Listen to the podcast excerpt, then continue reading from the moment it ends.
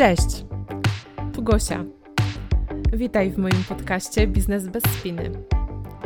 Jeśli chcesz budować swoją firmę wokół swojego życia, a nie życie wokół firmy, to ten podcast jest dla Ciebie. Znajdziesz tu sporo inspiracji ode mnie i moich gości. Zapraszam.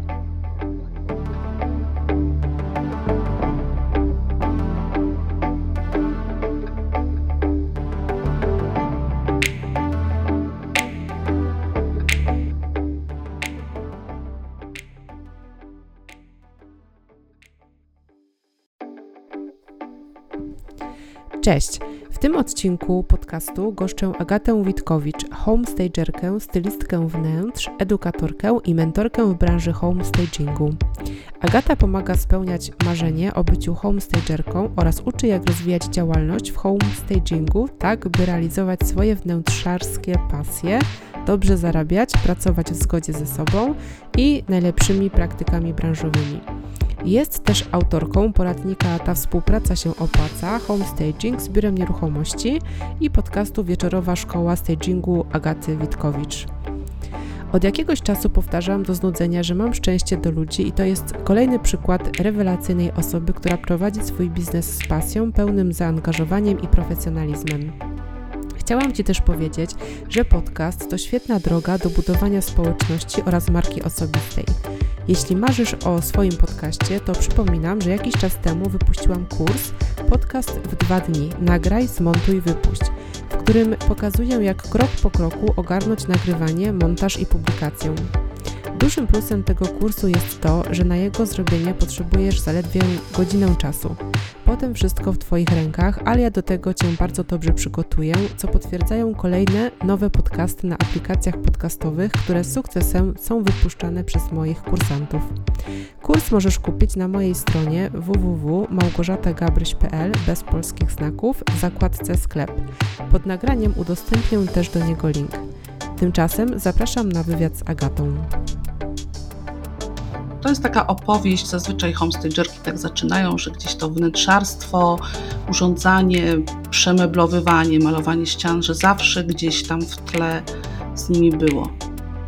Oni oczywiście powiedzieli, że a tam homestaging to prawda, każdy potrafi poduszki ułożyć czy coś, coś w podobnym e, stylu ale to przejście takie z tego świata, mm, staging jest usługą lokalną, fizyczną, prawda, taką namacalną, a tu było nagle takie przejście do online'u.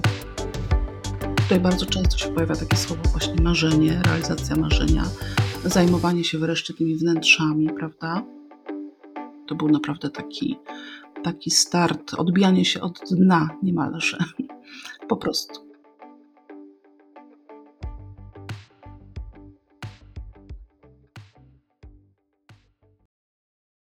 Cześć Agata. Cześć Gosiu. Cześć. Pracujesz w dosyć fajnej i nietypowej branży i w sumie takie moje pierwsze pytanie to by było takie, jak to się stało, że ty tam w ogóle wylądowałaś? Y, to był oczywiście taki moment, y, życiowy zakręt, y, tak o tym opowiadam. Kiedy szukałam takiego pomysłu na siebie, przeprowadziliśmy się z Krakowa do Gdyni. Ja miałam wtedy, mm, miałam wtedy sklep wnętrzarski, ale niezbyt dobrze sobie ten sklep radził. W ogóle byliśmy, tak można to krótko opowiedzieć, razem z mężem na finansowym, na finansowym dnie, tak można powiedzieć. Szukałam jakiegoś takiego pomysłu, rozwiązania na siebie i pomyślałam o projektowaniu wnętrz. To jest taka opowieść, zazwyczaj homestagerki tak zaczynają, że gdzieś to wnętrzarstwo, urządzanie, przemeblowywanie, malowanie ścian, że zawsze gdzieś tam w tle z nimi było, że zawsze to robiły, prawda, już jako nastolatki w pokoju robiły przymeblowania. Y, zazwyczaj tak się te historie opowiadają, zaczynają. I u mnie było y, podobnie. Ja też się tymi wnętrzami, urządzaniem wnętrz zawsze bardzo interesowałam. I w tym trudnym takim momencie pomyślałam, że właśnie wrócę do tego marzenia, że zrobię kurs taki z projektowania wnętrz, będę się tym zajmować. I szukając tego szkolenia, gdzieś tam oglądając w internecie jakieś oferty szkół, y, kursów y, stacjonarnych, y, trafiłam na, na pojęcie homestaging, którego absolutnie wtedy nie znałam, była to dla mnie kompletna nowość. Ale gdy tylko przeczytałam, że to jest takie właśnie przygotowanie nieruchomości do sprzedaży, że to jest taka stylizacja mieszkań na potrzeby właśnie sprzedaży, wynajmu, że to jest właśnie takie no i szybkie ma być i niedrogie, budżetowe, takie jest założenie stagingu to od razu wiedziałam, że to jest dla mnie. Że to jest dla mnie, że to jest właśnie taka szybka zmiana, natychmiastowy efekt, coś, co ja bardzo lubię, bo jestem niecierpliwa.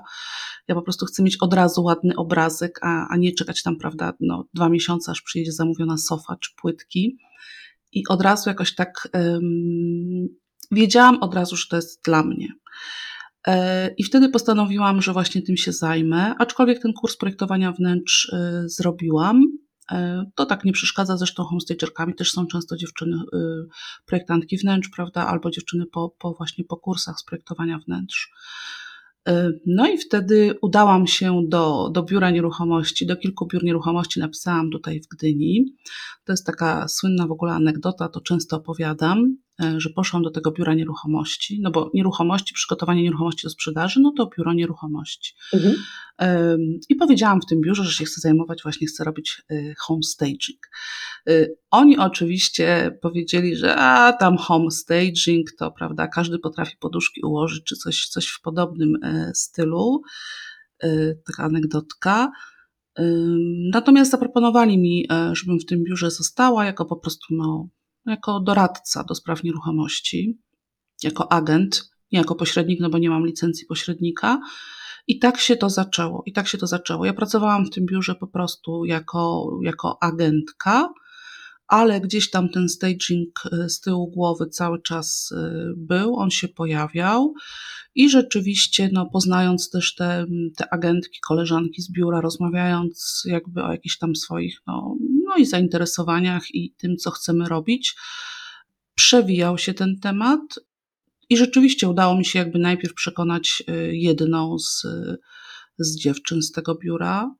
I to się później tak potoczyło. To było na zasadzie: mam taki dom do sprzedaży, jakiś, nie wiem co tam zrobić, jest jakiś nastolatek na górze, ma całą czarną ścianę, y, nie chcę, prawda, niczego tam zmienić, jak mam w ogóle zrobić tam zdjęcia, pomóż mi. To był taki moment, kiedy, y, kiedy się zaczęło. Przy czym to nie tak, że może po prostu taki błysk był i, i, już, prawda, tam y, spłynęło takie światło i ten staging tam w tym biurze stał się czymś normalnym. To jeszcze oczywiście trochę trwało, tam były takie momenty lepsze i gorsze, jakieś spory, jakieś kłótnie, znaczy nawet dyskusje, może nie kłótnie, czy to robić, czy nie robić, czy działa, czy nie działa. Później była taka jeszcze realizacja bardzo ciekawa i o tym piszę w moim e-booku. To jest taka realizacja, która zrobiła w ogóle ze mnie y, homestagerkę to było takie mieszkanie bardzo eleganckie w Sopocie, mm, wycenione tam chyba na milion czy na milion pięćdziesiąt, już nie pamiętam. Zrobiłam tam bardzo piękną aranżację, wypożyczyłam ze sklepu meble, dekoracje, lampy, tekstylia. No, był niesamowity, był niesamowity efekt, a, a najlepszym efektem, największym było to, że się to mieszkanie sprzedało w cenie y, no po prostu rewelacyjnej, bo właścicielka tam jeszcze w ostatniej chwili troszeczkę tę cenę podniosła. Y, I no to był taki moment, że, że wszyscy jakby, no takie było wow, prawda, jak, jak się to mieszkanie sprzedało, jak chodzi o wysokość osiągniętej ceny. Y, tak, to było takie wow i potem już się to, no i potem się już potoczyło. Później już były tam kolejne realizacje, mniejsze, większe. Taki był początek. No dobrze, ale teraz tak naprawdę uczysz e, inne dziewczyny e, tego, jak to się stało w ogóle też, że, że przeszłaś jakby od tego etapu współpracy z biurem nieruchomości jako agentka, a teraz tak naprawdę jesteś taką, nie wiem, ja mam takie, taką obserwację i takie poczucie, może mnie poprawia, jak przesadzam, ale mam takie wrażenie, że taką matką chrzestną homestagingu jesteś w Polsce, bo chyba jednak dużo szkolisz, nie, tych dziewczyn i dużo się u Ciebie dzieje w tym zakresie. Y, tak, y, to był taki pomysł. Ja jestem w ogóle nauczycielem z wykształcenia. Ja lubię to robić, lubię ten rodzaj interakcji, czyli takie właśnie uczenie.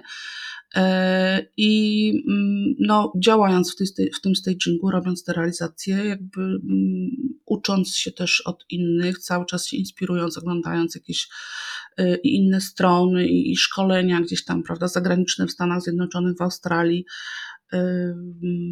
zauważyłam, że nie ma u nas y, takiego jakby miejsca, takiego portalu, gdzie homestagerki mogą się jakby rozwijać, wspierać biznesowo. Takiego miejsca, gdzie po prostu no nie tylko mówimy o stagingu, tylko też o prowadzeniu biznesu w tym homestagingu. No i, i to był taki pomysł w zasadzie, że to jest coś takiego, co po pierwsze by się przydało, co mogłoby wspierać te dziewczyny, co mogłoby mi też pomóc realizować taką moją właśnie potrzebę też no, kontaktu z innymi, motywowania, wspierania, uczenia, po prostu uczenia. Ja lubię mieć swoją klasę, wiesz, znać te dziewczyny, wiedzieć, która w czym jest, prawda, dobra, jak, jak im pomóc, co im tam podrzucić, podsunąć. E, to, to był taki właśnie taki pomysł, takiego portalu biznesowego, takich szkoleń, takiej edukacyjnej, no, no grupy wsparcia, tak to można nazwać. I później, um, i później w zasadzie już wiedziałam, że, że chcę to robić. Y, myślę, że w czasie, kiedy to wymyśliłam, to w ogóle w Polsce jeszcze nie było żadnego biznesowego kursu z homestagingu. Znaczy, były kursy z homestagingu, takie stacjonarne, ale nie było takiego właśnie miejsca w internecie. Jakieś takie naprawdę absolutnie pojedyncze artykuły się pojawiały na, na blogach. Natomiast później dość dużo czasu mi zajęło tak jakby ruszenie z miejsca. E, dlatego ja rozumiem teraz czasem moje klientki, które mówią, że właśnie jakby już wiedzą, że chcą to robić, ale mają taki, taką trudność w przejściu do, do działania, trudność z takim zruszeniem, prawda, z miejsca. Y, bo ja też miałam taki moment przed założeniem Homestagerek Online, że, że już wiedziałam, miałam to wszystko wymyślone, obmyślone, ale to przejście takie z tego świata, mm, staging jest usługą lokalną, fizyczną, prawda, taką namacalną, a tu było nagle takie przejście do online'u. Y, I to mi rzeczywiście też zajęło taką dłuższą chwilę. Mm, no i wystartowałam w sierpniu zeszłego roku z marką Homestagerki Online.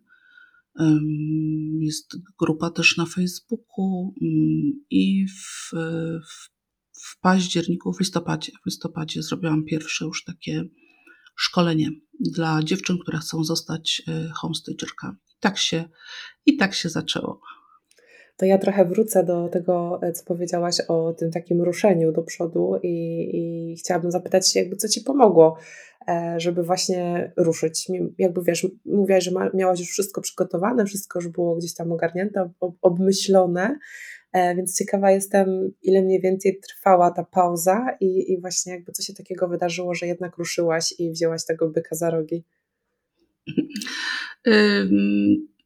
To trwało, to, trwało, to trwało długo w ogóle, to naprawdę trwało myślę, że z półtora roku, e, kiedy ja już jakby miałam taki zamysł, pomysł, wiedziałam, że chcę to robić, że chcę iść w tym kierunku i rzeczywiście e, tak nie mogłam ruszyć. E, z dwóch powodów. Po pierwsze, cały czas pracowałam jakby też, bo ja cały czas pracuję, prawda, jestem aktywną homestagerką, cały czas mam zlecenia klientów, po prostu wykonuję też tą pracę.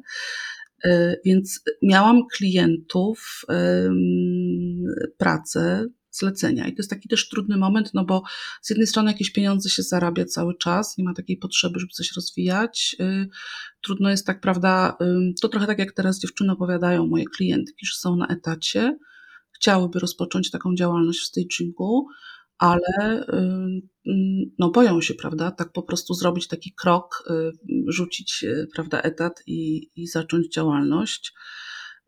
Aczkolwiek mam też klientki, które po bootcampie na przykład y, mówią, że dziś złożyły powiedzenie w korporacji i zaczynają działalność. Więc może, może niektóre z nas są, prawda, odważniejsze. Ale y, to był taki pierwszy powód, że po prostu pracowałam też cały czas. Y, robiłam te realizacje stagingowe i to troszeczkę tak, no z tego powodu nie mogłam ruszyć. No miałam taką blokadę, barierę, tak jak mówię, z tym online'em, no bo to jest jednak takie pokazanie się w sieci, coś innego niż, niż praca tutaj e, lokalnie. E, co mi pomogło? No, myślę, że pomogło mi zatrudnienie mentorki po prostu. To była taka mentorka na zasadzie biznesowa, czy tak. bardziej taka właśnie pracująca? Okej, okay, ale pracowałyście nad jakimś takim poczuciem własnej wartości, czy bardziej. E, nie, nie. Pracowałyśmy po prostu nad jakby ułożeniem planu, tego, co zrobić po kolei, krok po kroku, od czego zacząć. Taki typowy biznesowy mentoring. I to, mi, I to mi zdecydowanie pomogło. To był moment, y, to był moment kiedy ruszyłam.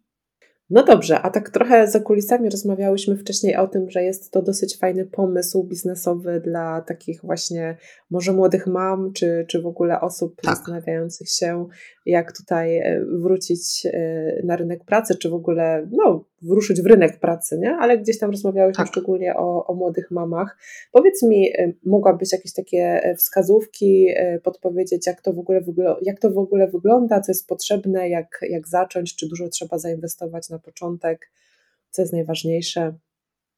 Okej. Okay.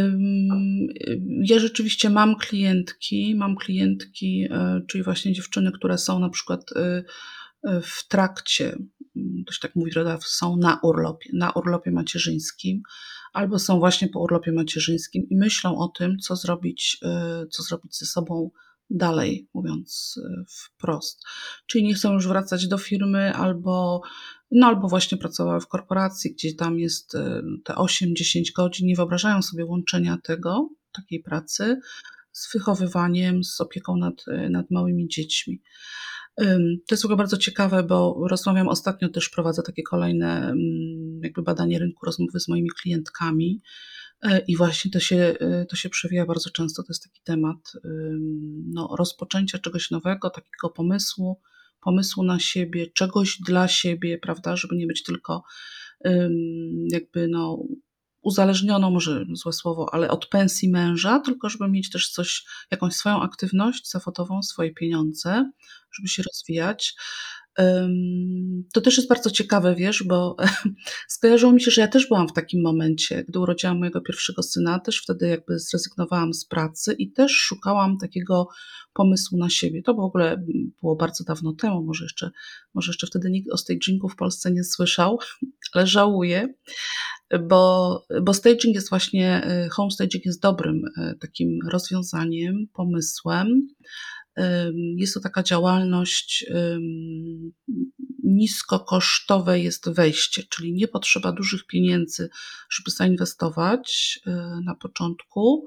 Oczywiście trzeba zrobić jakieś szkolenie, no, no może właśnie kupić taki kurs porządny, biznesowy, ale mm, nie wymaga to no, przygotowania nie wiadomo czego. To jest w zasadzie kwestia jakby no, powiedzenia, że mogę coś takiego robić, powiedzenia znajomym, Oczywiście stworzenia jakiegoś swojego miejsca w sieci, ale to nawet na początek nie musi być y, bardzo rozbudowana strona internetowa, wystarczy jakaś prosta strona wizytówka, założenie fanpage'a na Facebooku czy na Instagramie, y, zrobienie jakichś kilku pierwszych zdjęć, y, to jest taki temat tak zwanego portfolio, mhm. ale portfolio można zrobić u siebie w mieszkaniu w prosty sposób, czyli najpierw robimy wielki bałagan w sypialni, źle dobieramy tam dodatki, kolory, wzory, robimy pierwsze zdjęcie, to jest przed, a później robimy piękną, piękną aranżację, porządkujemy, odsłaniamy okna, e, wpuszczamy światło, dekorujemy i robimy tak zwane zdjęcie po. I to jest, e, i tak można zrobić portfolio. Albo wpaść do znajomych jeszcze, nie? Dokładnie. Tak, ja zawsze powiadam, że można u teściowej zrobić, prawda, gdzieś tam na przykład y, metamorfozę kuchni, coś tam poukładać na blacie, a u przyjaciółki może w sypialni, jeśli ma akurat ładną ścianę y, za łóżkiem, na przykład jakieś ładne wezgłowie. Y, więc w prosty taki sposób można zrobić pierwsze portfolio i i można ruszyć. Czyli nie wymaga to mm, ani, to jest też takie częste pytanie od dziewczyn, czy trzeba mieć jakiś tam swój magazyn dodatków już zgromadzonych. Nie. Na początku nawet nie trzeba mieć własnego magazynu dodatków, dekoracji homestagingowych. Te rzeczy można y, wypożyczać, y, można, to zależy też od realizacji. Takie rzeczy kupuje się też często po prostu z budżetu projektu, czyli na koszt klienta, czyli dla, y, do dokładnie, do wybranego projektu, do tej realizacji się dokupuje. Y, więc nie wymaga to ani inwestowania w te dodatki, w te dekoracje. Y, no oczywiście, tak jak powiedziałam, kwestia pokazania się, takiego obwieszczenia światu, że jestem homestagerką, że to robię. To się robi oczywiście na, na różne sposoby i w internecie, i wśród znajomych, i networking, spotkania kobiet I dziewczyny w ogóle często w ten sposób zaczynają, że coś tam na przykład robią dla znajomych, pomagają znajomym, że koleżanka ma mieszkanie do wynajęcia, nie chce się wynająć, więc jej pomogę. Tak? To są też y, takie okazje jednocześnie do, do zdjęć kolejnych, do portfolio. No, ważne jest tutaj właśnie y, szkolenie. Jest dużo oczywiście materiałów też bezpłatnych w sieci. Można, można też właśnie w tych grupach na Facebooku tam obserwować innych, inspirować się, szkolić. I w ten sposób można zacząć. W ten sposób można zacząć. Istotne jest takie no, pozyskanie jakiegoś pierwszego klienta, y, pierwsze zdjęcia do portfolio i, no i działania takie, prawda, promowanie się, pokazywanie się.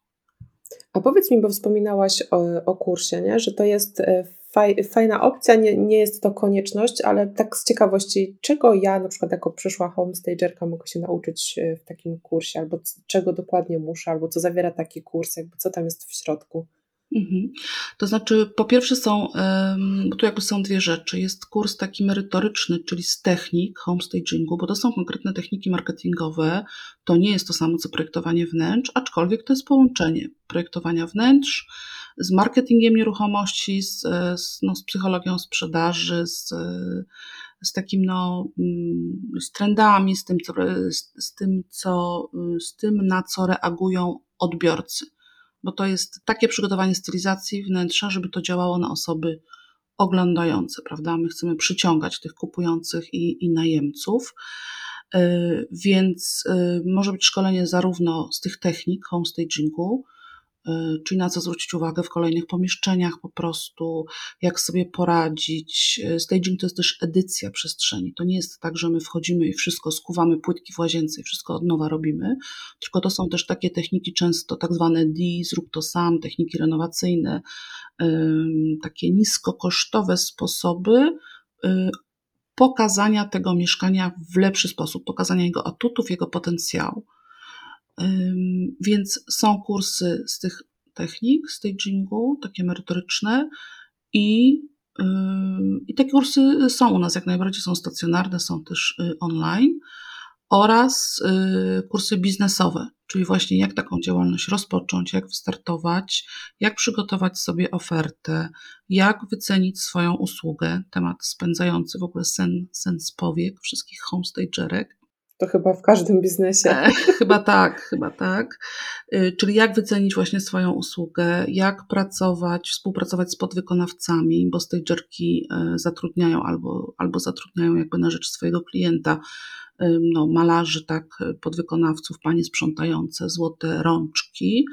Y, jak współpracować z fotografem, jak współpracować z biurami nieruchomości, bo w biurach nieruchomości są, są nasi klienci. Biuro może być klientem dla homestagerki, bo biura zlecają też takie nieduże tak zwane stagingi, stylizacje na przykład, albo konsultacje, y, ale biuro też jest partnerem, bo może tą stagerkę po prostu doprowadzić, y, przyprowadzić ją do klienta który ma w tej chwili mieszkanie do sprzedaży i potrzebuje je przygotować.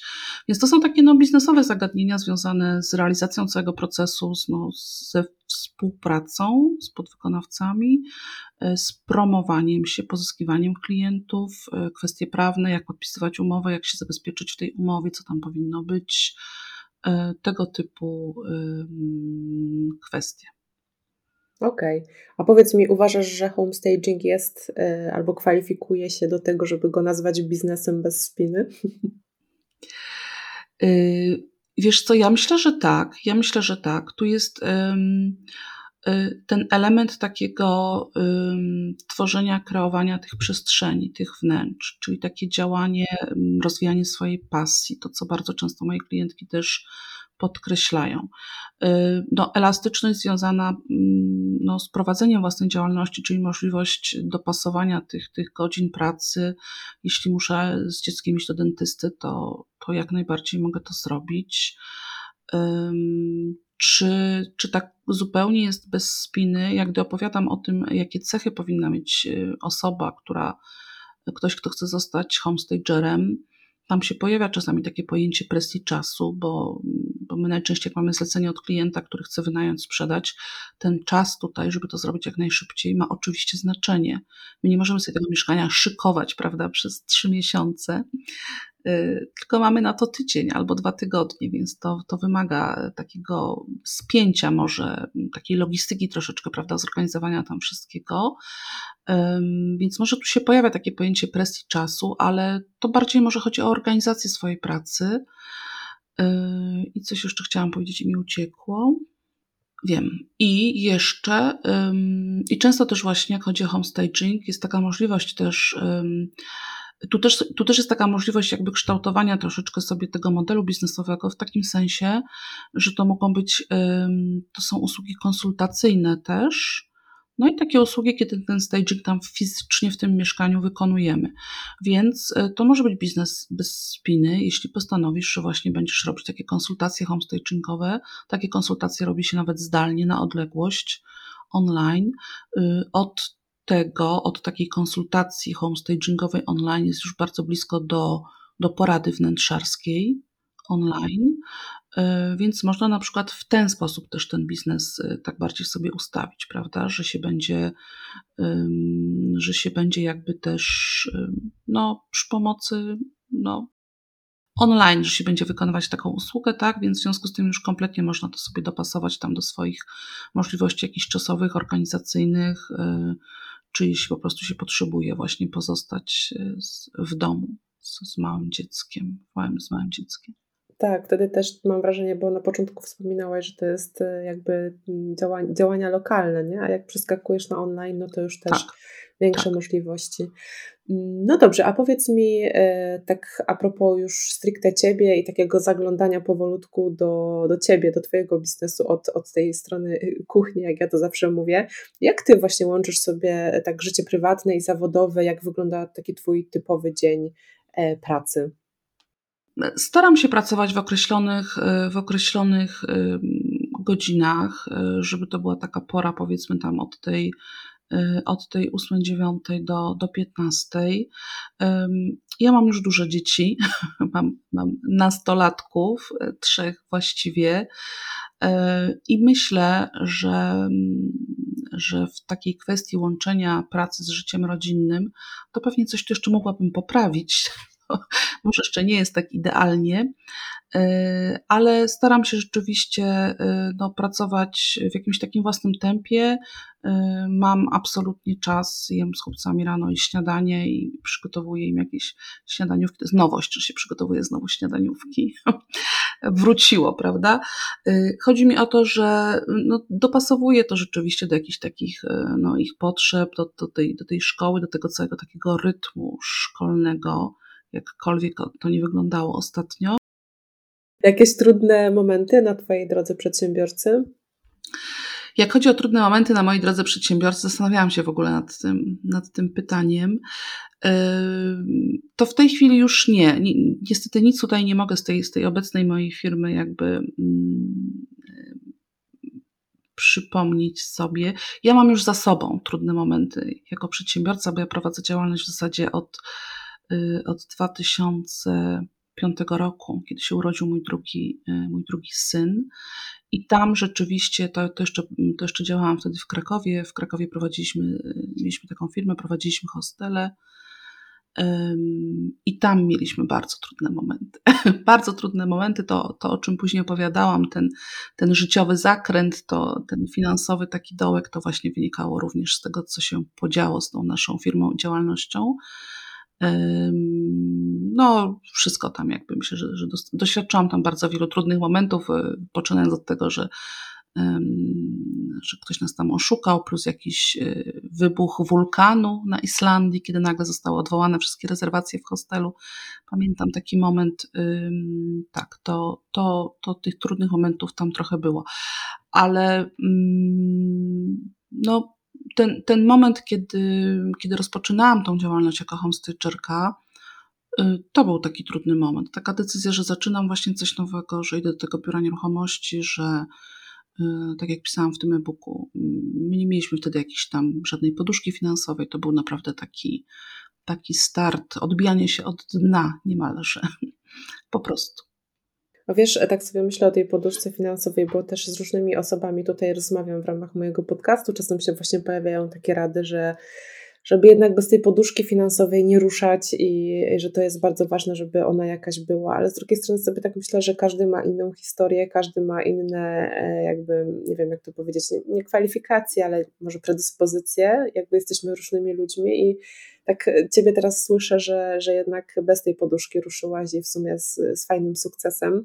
E, co ty o tym myślisz? Jak według Ciebie to jest z tą poduszką finansową? Po prostu warto mimo wszystko, nawet jak się tego nie ma? Czy na przykład gdybyś teraz cofnęła czas, to jednak byś e, zrobiła wszystko, żeby może mieć jakieś zaplecze, żeby było łatwiej? Jak Ty w ogóle patrzysz na tą sytuację? Wiesz co, ja, ja, nie miałam po prostu wtedy wyboru żadnego, bo my naprawdę byliśmy w trudnej sytuacji i jak zaczynałam właśnie tą działalność w stagingu, po prostu to był taki moment.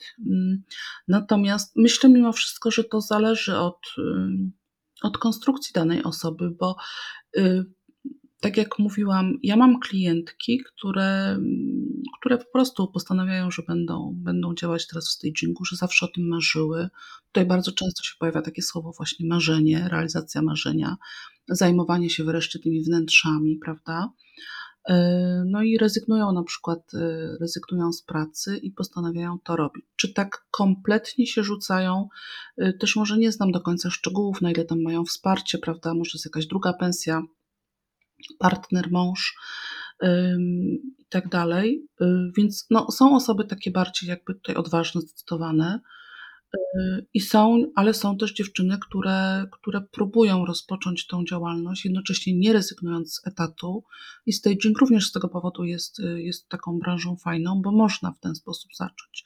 Można tam coś właśnie wieczorami się już zacząć ogłaszać, promować, w weekendy robić jakieś pierwsze zdjęcia i, i można w ten sposób ruszyć. Y, jest to trudniejsze, no bo wtedy nam brakuje tego czasu. Ale takie klientki też mam. Więc może jest to kwestia taka bardziej indywidualna, na ile jesteśmy tutaj jakby i odważne, i zdeterminowane. Y, trudno mi tak powiedzieć, która ścieżka jest zdecydowanie lepsza. Dla każdego jest, y, jest trochę inna, prawda?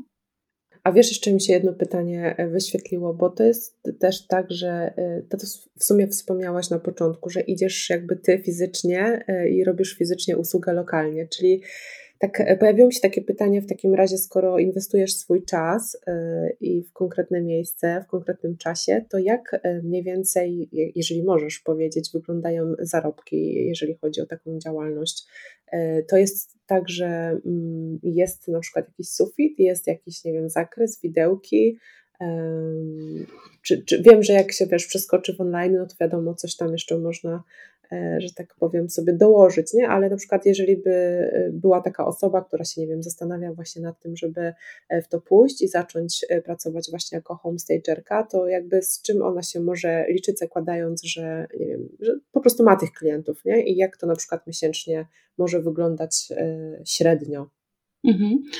Y, no, taka, taka średnia realizacja, która zajmuje powiedzmy jakieś tam dwa tygodnie z budżetem, bo my w stagingu mówimy też o budżecie, prawda? Czyli to dokładnie, co jakby przeznaczamy na, na rzecz y, no, materiałów, dekoracji podwykonawców. Y, te budżety homestagingowe, one są bardzo różne.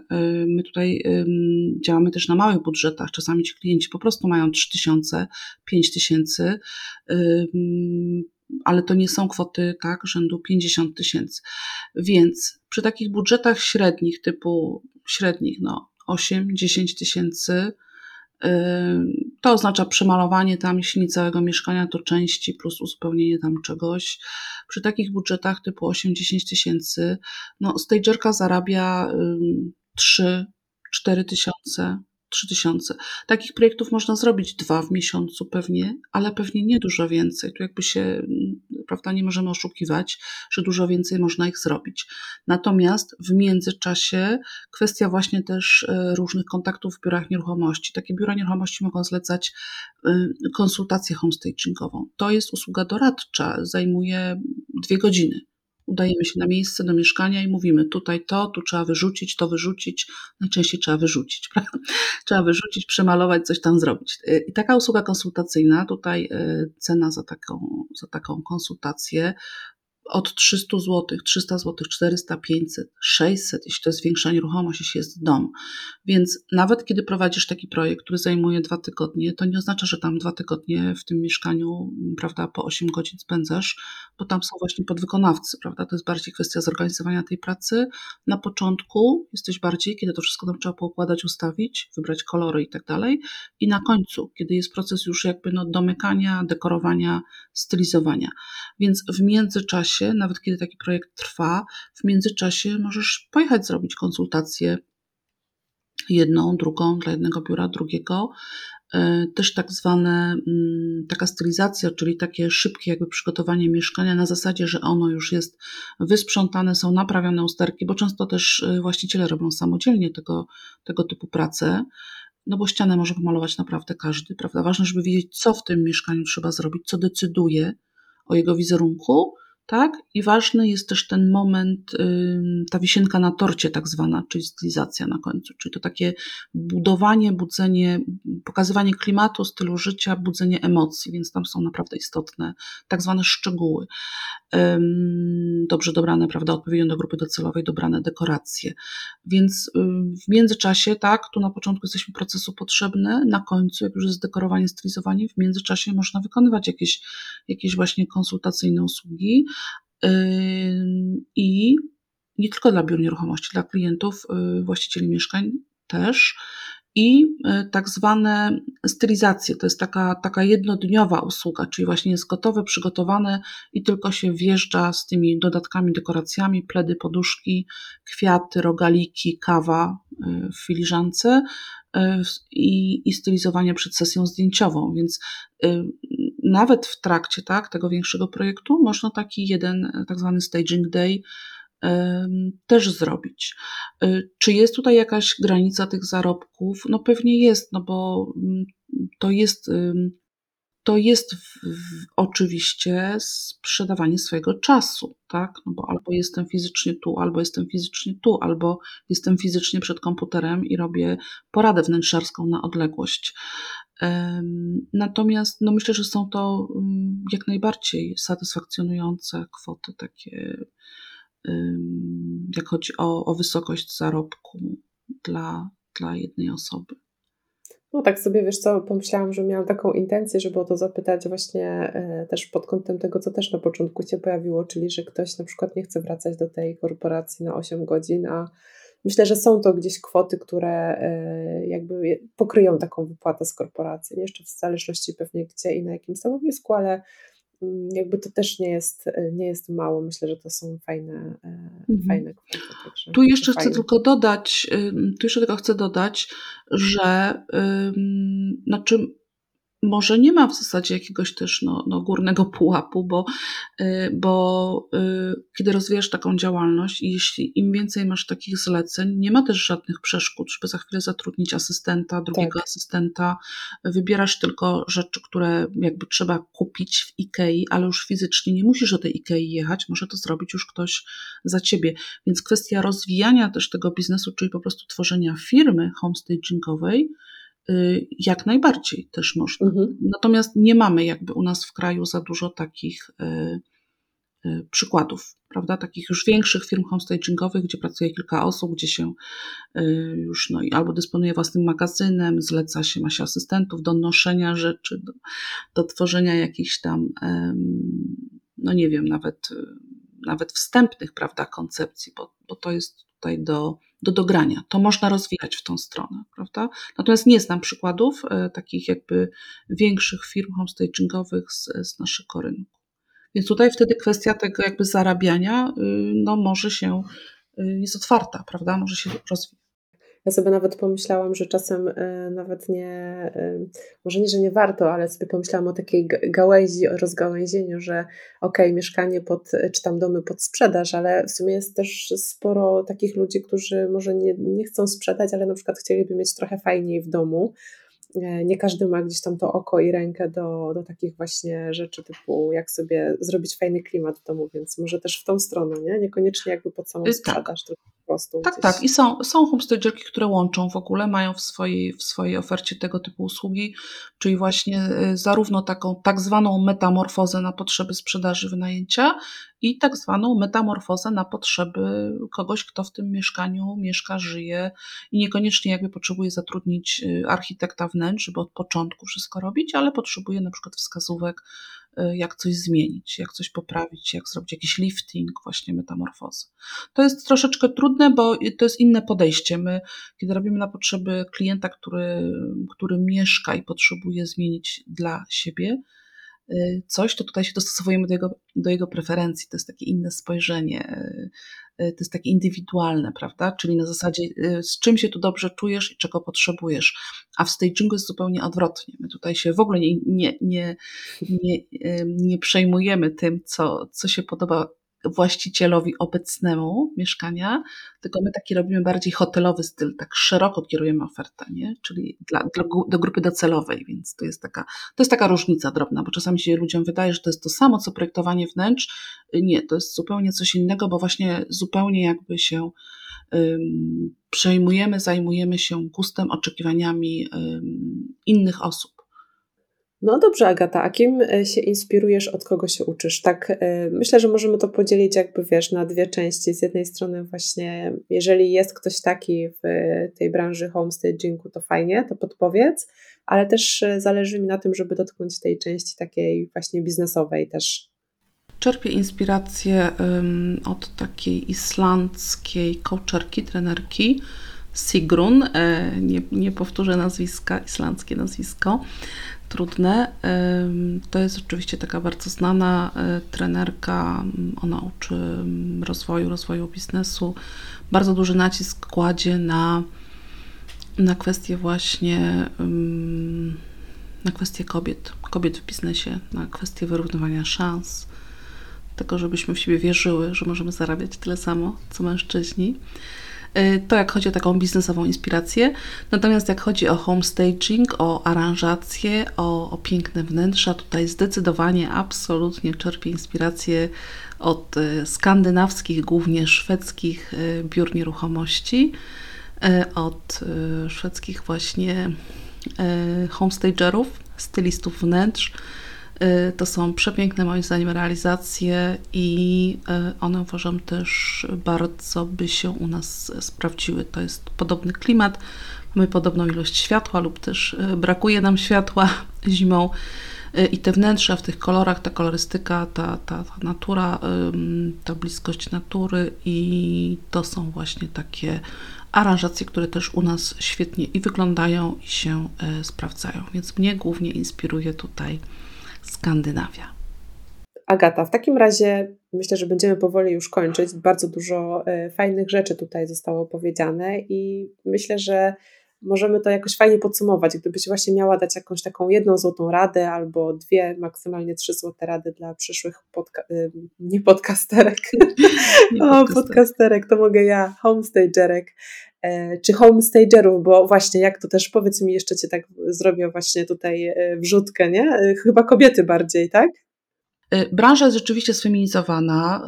Znam jednego mężczyznę, homestagera, natomiast i, i, i, i faceci, chłopcy, mężczyźni pojawiają się w, w tych grupach takich homestagingowych też na Facebooku, ale w zdecydowanej, w zdecydowanej mniejszości. To są głównie dziewczyny, głównie kobiety. Y, mam nadzieję, że te proporcje się jakoś odwrócą. Y, ja bardzo nie lubię w ogóle takiego, takiego właśnie podziału świata, takiego spojrzenia. To, to widać często w tych, w tych grupach takich, w grupach na Facebooku, czy, czy w jakichś spotkaniach różnych stowarzyszeń, organizacji, czyli mamy mm, inwestorów, tak? Ważne sprawy, mhm. pieniądze, prestiż, to są mężczyźni, a tu mamy po prostu, no, prawda, taka pani, która przyniesie poduszki, czyli, czyli homestagerki. To, to, to, to jest taki podział, no, to mnie, to mnie irytuje, tak, martwi, smuci. Y, są oczywiście też grupy kobieca strona inwestowania na przykład, y, czyli są też takie grupy skupiające kobiety, które inwestują w nieruchomości więc mam nadzieję, że to się będzie rozwijać. No i że w związku z tym, że się będzie rozwijać, to będzie też więcej mężczyzn wśród homestagerów, wśród homestagerek. Ale na razie rzeczywiście są to głównie dziewczyny. Dobrze, i co ja miałam powiedzieć? A jakie są rady, tak? Tak, tak, tak. Jakie, jakie rady dla dziewczyn? No, warto najpierw stwierdzić, czy, czy rzeczywiście, czy możesz się tym zająć. Miałam taki, taki newsletter kiedyś napisałam, czy drzemie w tobie lwica homestagingu. Wow. E, tak. To jest oczywiście takie wnętrzarskie zacięcie, to jest pierwsza rzecz, czyli poczucie estetyki, takie wnętrzarskie oko tak zwane, to przestawianie, dekorowanie, ten dryk, to, że się lubi spędzać dużo czasu w Ikei. Mhm. Czyli Kto tego jest... nie lubi? Hello. No właśnie. No Wiesz, właśnie. Ja już się kwalifikuję na pierwszą wskazówkę. Tak, tak, tak. Więc wnętrzarskie zacięcie, poczucie estetyki, troszeczkę tą, tą przestrzeń tak trzeba czuć, rozumieć, kolory, no, tak zwane właśnie oko. Y, umiejętność takiego, takiej, tak jak powiedziałam, y, takiej organizacji pracy, takiego połączenia kilku różnych elementów, to jest właśnie, tak jak mówiłam, często praca pod pewną presją czasu, y, staging ma być szybki, połączenie kilku osób, tak, tu złota rączka, tu pani sprzątająca wchodzi, tu wjeżdżają dekoracje, tu składamy jakąś, wieszamy lampę, mhm. więc taka kwestia. Empatia jest bardzo ważna i potrzebna. W nieruchomościach jest dużo emocji. To są zmiany w życiu. Ktoś musi na przykład sprzedać mieszkanie, ktoś musi sprzedać mieszkanie, bo się rozwodzi, albo Y, albo tak zwane mieszkania pospadkowe, prawda, po, po bliskiej mhm. osobie. Jest tutaj dużo emocji i te emocje naszych klientów trzeba, trzeba jakby rozumieć. Z drugiej strony też są emocje, bo my chcemy działać, y, my naszymi stylizacjami chcemy przyciągać osoby kupujące, poszukujące, czyli też chcemy wywołać w tych osobach odpowiednie emocje, takie emocje, że chcą to kupić. Y, więc ta empatia jest bardzo ważna. Z drugiej strony asertywność. Y, tu znowu temat właśnie tych, tych właścicieli mieszkań, tych rzeczy, które mamy w tych mieszkaniach. Mamy tych rzeczy coraz więcej. Y, asertywność w tym sensie, że jednak, że jednak musimy to odgracić, uporządkować i usunąć na przykład nadmiar rzeczy, bo, bo właśnie chcemy pokazać, pokazać tą przestrzeń, to mieszkanie i te porządki takie na przykład rozstanie się z jakimiś rzeczami e, czy spakowanie e, jest też potrzebne, więc tutaj też jest takie potrzebne jakby postawienie takiej granicy. E, no i taka też komunikatywność, no ale to pewnie w każdym biznesie, prawda, czyli rozmowa z ludźmi, jakieś, jakieś tutaj no, prezentowanie w jasny, czytelny sposób tego, jak wygląda współpraca z, z homestagerką. To jest branża wciąż u nas nowa i wciąż nie ma takiej e, świadomości. Ludzie nie wiedzą, co to jest e, homestaging. Nie ma nawet dobrego polskiego odpowiednika. Wizaż nieruchomości, stylizowanie to tak nie do końca oddaje cały temat. Y, więc nie ma świadomości, y, klienci nie rozumieją, nie wiedzą i nie ma też takiej świadomości, tu jest takie wyświechtane porównanie, y, my jakby jesteśmy już na tym etapie, że jak sprzedajemy auto, to wiemy, że je musimy wyczyścić, wysprzątać, nabłyszczyć, wywoskować, czy jak to się tam nazywa. Dawno nie sprzedawałam auta. Natomiast nie ma takiej świadomości jeszcze, że, że mieszkanie jest tak samo produktem, który wchodzi na rynek i trzeba je po prostu przygotować, trzeba je opakować i im lepiej się prezentuje, tym szybciej, tym szybciej i lepiej się sprzedaje po prostu. E, więc tutaj tej świadomości jeszcze nie ma. To jest taka też kwestia te, takiego może edukowania nawet klientów, um, mówienia o tym. E, no więc to są takie cechy, jakby, które, um, które tak na szybko podałabym, są potrzebne, niezbędne, żeby zostać e, homestagerką. A rady, no Trzeba się temu troszeczkę przyjrzeć, może się zainspirować, pooglądać. Y, polecam, y, polecam grupę na Facebooku Homestagerki Online. Bardzo tam jest dużo różnych y, jakby i tematów biznesowych i nie tylko. Wrzucane są tak jakby też realizacje, dziewczyny to pokazują, tak zwane przed i po, więc jakby można, można zerknąć na czym to dokładnie polega. Natomiast w temacie, w kwestii w ogóle rozpoczęcia działalności, wystartowania, no, ja polecam to, co mnie pomogło, czyli znalezienie mentora, wzięcie udziału właśnie może w jakimś programie takim szkoleniowym, programie szkoleniowym. Tam jest i wsparcie, i wiedza biznesowa, i te techniki homestagingu. ja widzę, że moje klientki po prostu, po prostu po tym ruszają, zaczynają działalność. To jest, to jest no, największa satysfakcja. O to mi właśnie chodziło. Pięknie, dziękuję. Powiedz mi tak jeszcze na koniec, czy, bo tutaj tak nie wiem, czy możemy zdradzać, czy nie, ale będzie konferencja na jesieni dla homestagerek? E, tak, możemy zdradzić. E, o, tak super. Tak zupełnie nieoficjalnie będzie tak. E, będzie 21 września. Planuję, już, już rozpoczęłam pracę mm, mhm. nad, tym, nad tym projektem. Będzie konferencja online dla, dla homestagerów, dla homestagerek, trzydniowa z, z bardzo fajnymi, różnymi ciekawymi tematami biznesowymi i nie tylko. Y, mam nadzieję, Gosiu, że też się dasz zaprosić do udziału w konferencji. Tobie zawsze. Y, I szczegóły myślę, że się już pojawią jakoś niedługo. Super, super. Bardzo Ci dziękuję za to spotkanie. Bardzo dużo wartościowych rzeczy i myślę, że to będzie kolejny super odcinek. Ja również dziękuję. Dzięki.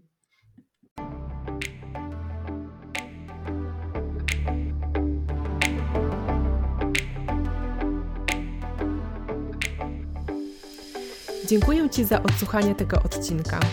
Będzie mi bardzo miło, jeśli dodasz mój podcast do obserwowanych lub ulubionych oraz jeśli podzielisz się nim ze znajomymi. Zapraszam Cię też na moją stronę www.małgorzatagabryś.pl oraz na moje kanały na Facebooku i Instagramie. Do usłyszenia!